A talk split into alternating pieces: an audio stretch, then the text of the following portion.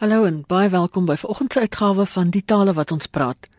Dis 'n groot voorreg om weer in jou geselskap te wees hier op RSG tussen 100 en 104 FM of wêreldwyd by rsg.co.za.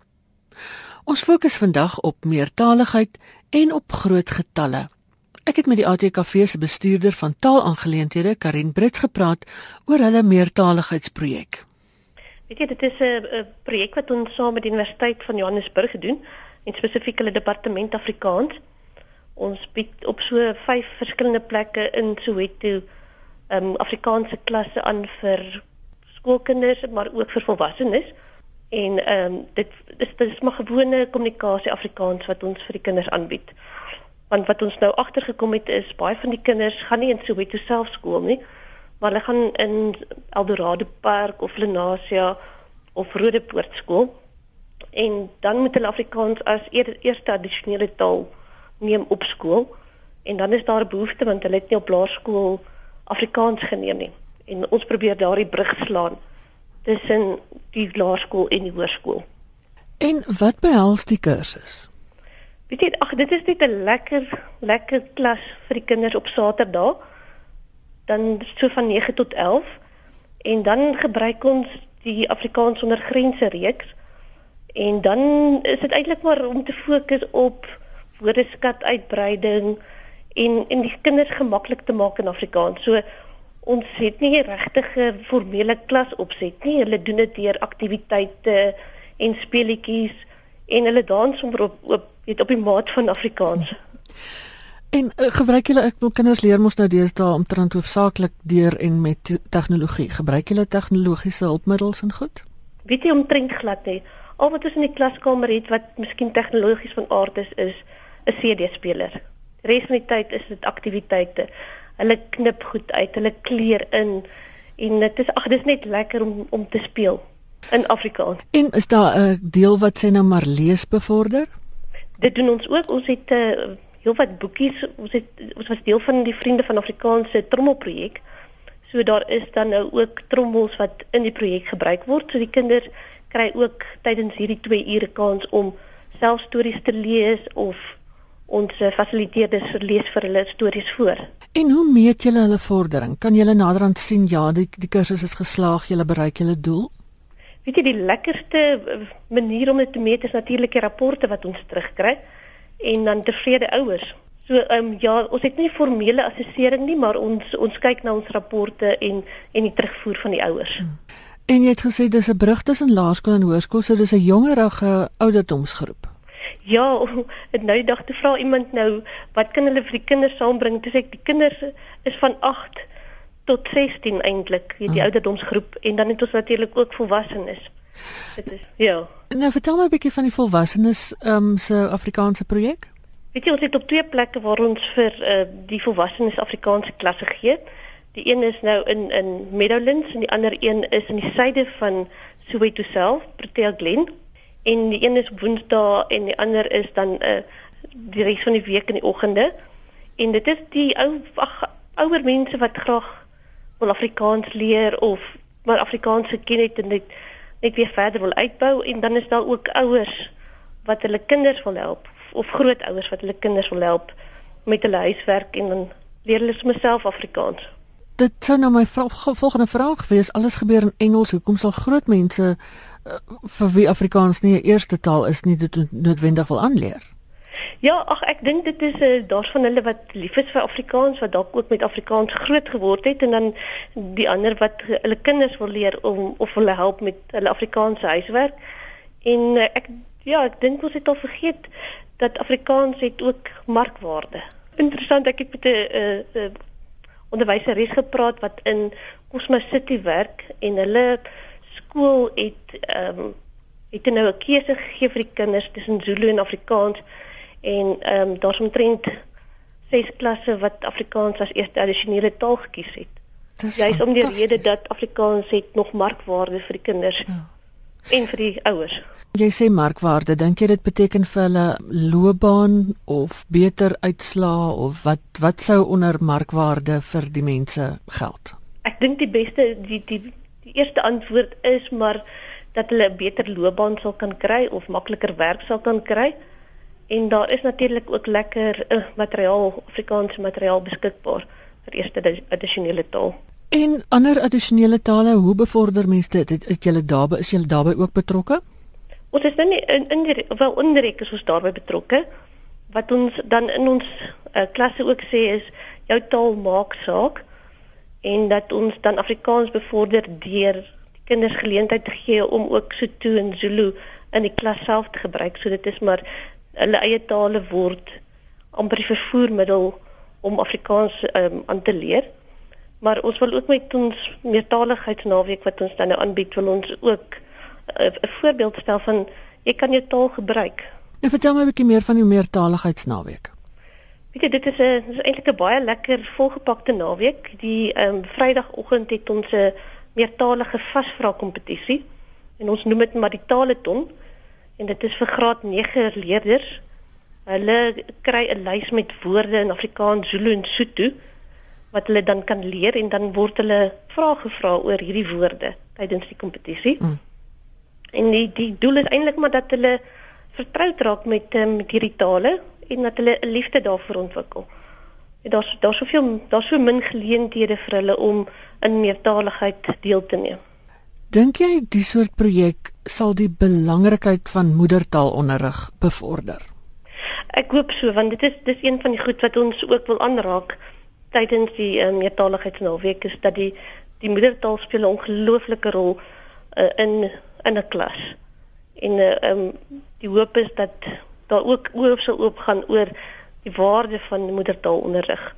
Ook vir die aanleer van ander tale. Dit help veel dat 'n mens uh sê goed ek gaan na Engelse skool toe want ek wil Engels beter leer praat maar my eie moedertaal is baie goed nie. Veel beter om moedertaalonderrig te kry en dan 'n tweede of derde of vierde taal aan te leer.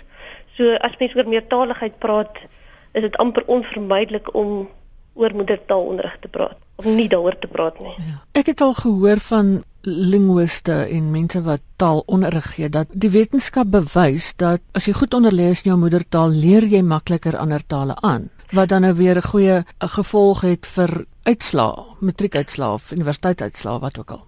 Ja, dit is ook die standpunt wat ons hier by die ATKV se taal afdeling handhaaf dat ehm um, moedertaalonderrig ehm um, verseker dat jy beter gaan presteer op skool, maar dan soos ek ook gesê dat jy ander tale baie makliker sal kan aanleer. Nou hierdie projek van julle klink vir my of dit redelik beperk is tot Soweto.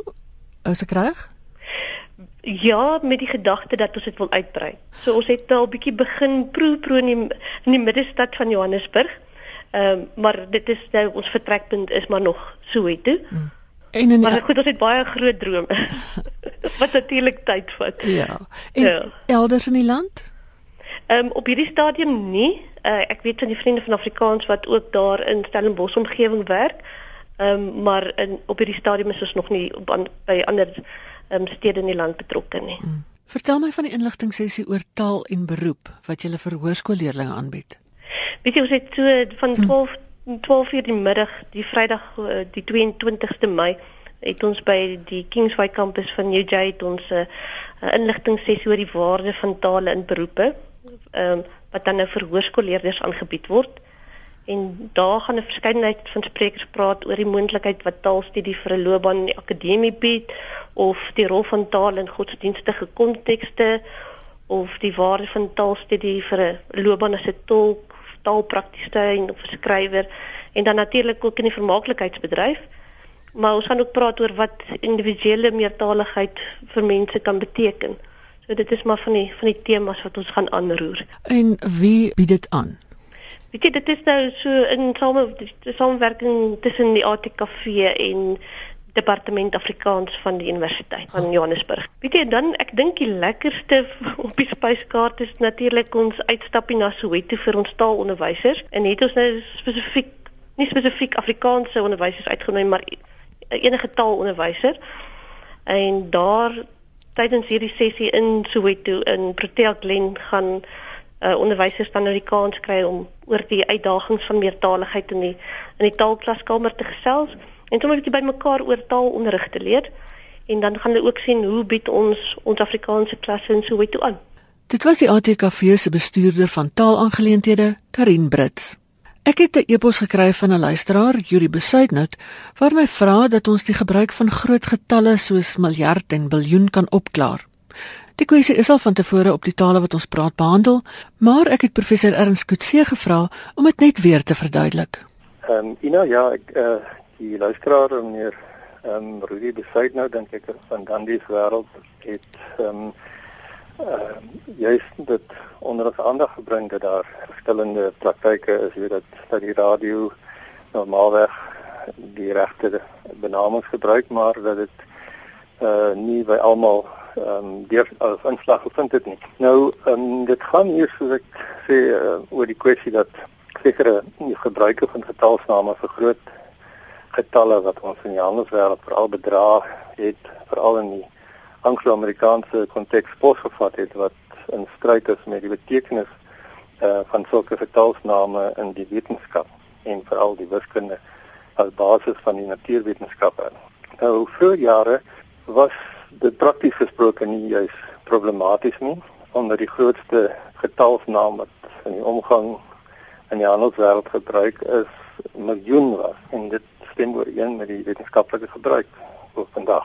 Maar hoër as 'n miljoen met nou met uh, wat nou 6 nulle het natuurlik is daar 'n getalsnaam vir elke 3 nulle wat wat bykom. Dan oor maal 1000 naamlik die woord miljard jy weet as mens nou nog uh, is dat jy 9 nulle by het 'n uh, biljoen vir 12 nulle dan oor 2 maal miljoen miljoen maal miljoen miljard vir 15 nulle en triljoen vir 18 nulle en hierso begin die gewone sterveling se verstand 'n bietjie duisel. Ja. Ek dink en soveel hulle ehm um, jy weet eh, ek dink nie mens kan 'n konsep vorm presies van wat dit behels nie.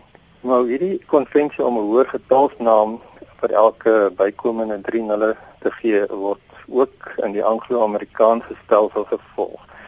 Ehm uh, met die verskil dat hulle verstand nou gouer begin duisel het en hulle gouer van 'n miljoen na 'n biljoen gespring het. Dit veroorsaak dat die Engelse billion na twee verskillende getalle kan verwys.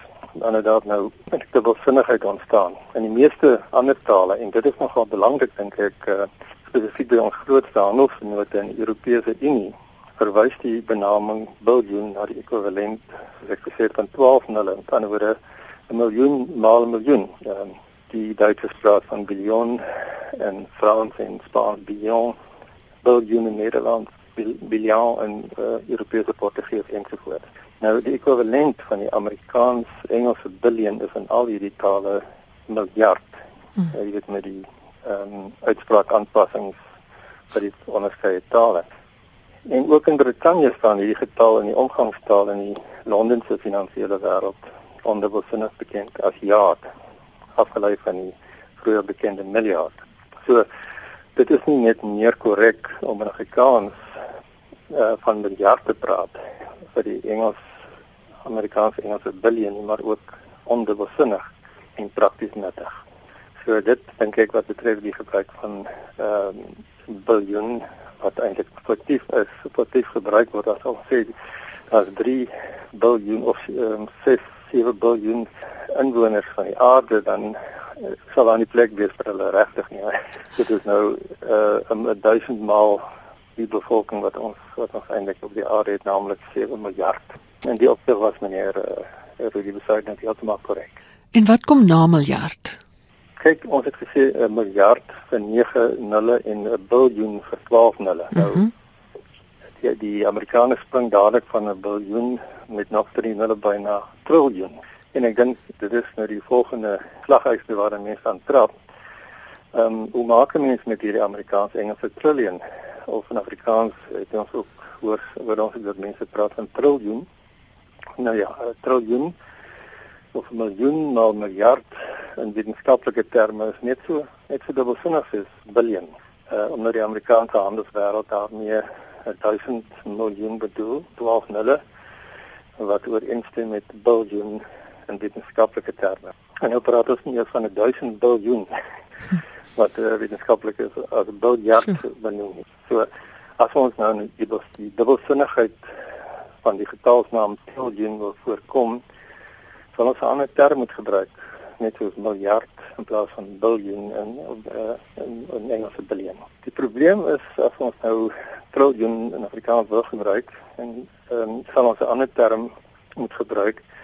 Ehm um, op as ons dat die, die wetenskaplik korrekte term eintlik in hierdie geval biljoen is, iets wat inderdaad beteken wat die Amerikaners met ons miljard bedoel. En ek dink die oplossing sou wees um, om die dubbelsinnigheid uit te skakel dat ons uh, liewer die ondubbelsinnige 1000 miljard gebruik.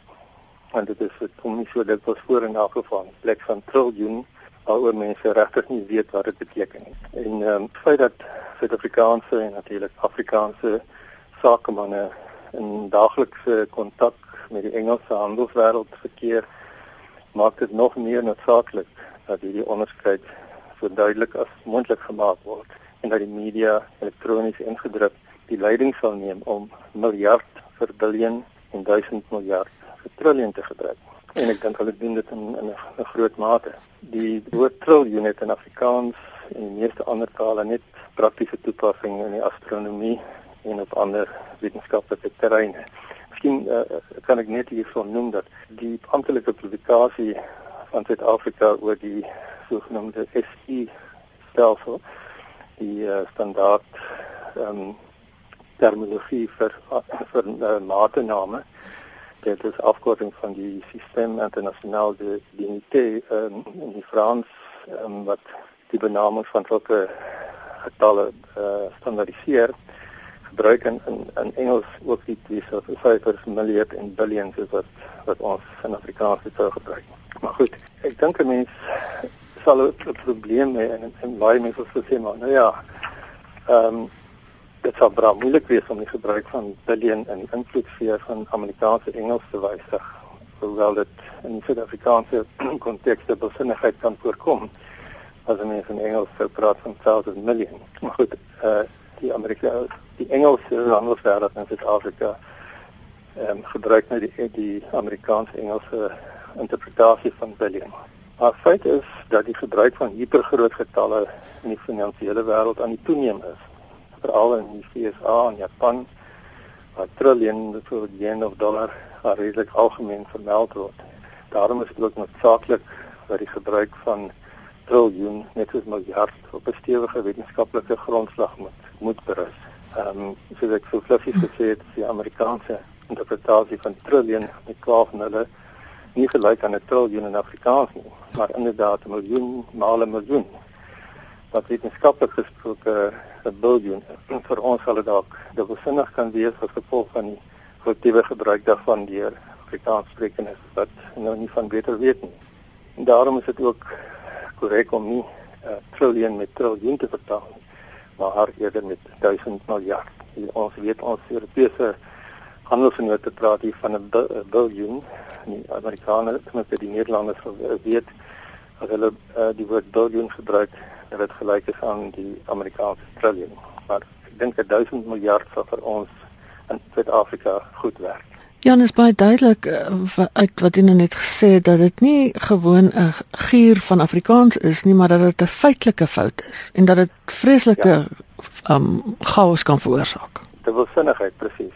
Omdat ons ons grootste handelsvernoot, um die tale wat wat in die Europese Unie gebruik word, almal uh die woord miljard gebruik en nou ja ook biljoen uh, biljoen natuurlik vir triljoen, maar uh, ons ons word gekonfronteer met met die gebruik die Amerikaanse interpretasie daarvan en daarom ek dink is dit goed dat ons die ondubbelsinnigheid in Afrikaans ehm um, uitskakel deur die korrekte gebruik van van die woord miljard in plaas van van biljoen. Dit was stelkundige professor Ernst Kutse. Jy kan weer na die program luister deur donderdagoggend 3 uur op deurnag in te skakel vir die herhaling of jy kan die potgooi aflaai by rsg.co.za.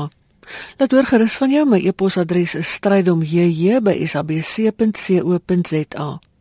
Dis tyd om te groet. Bly ingeskakel op RSG vir heerlike luistergenot en van my Ina Strydom alles van die beste. Tot 'n volgende keer.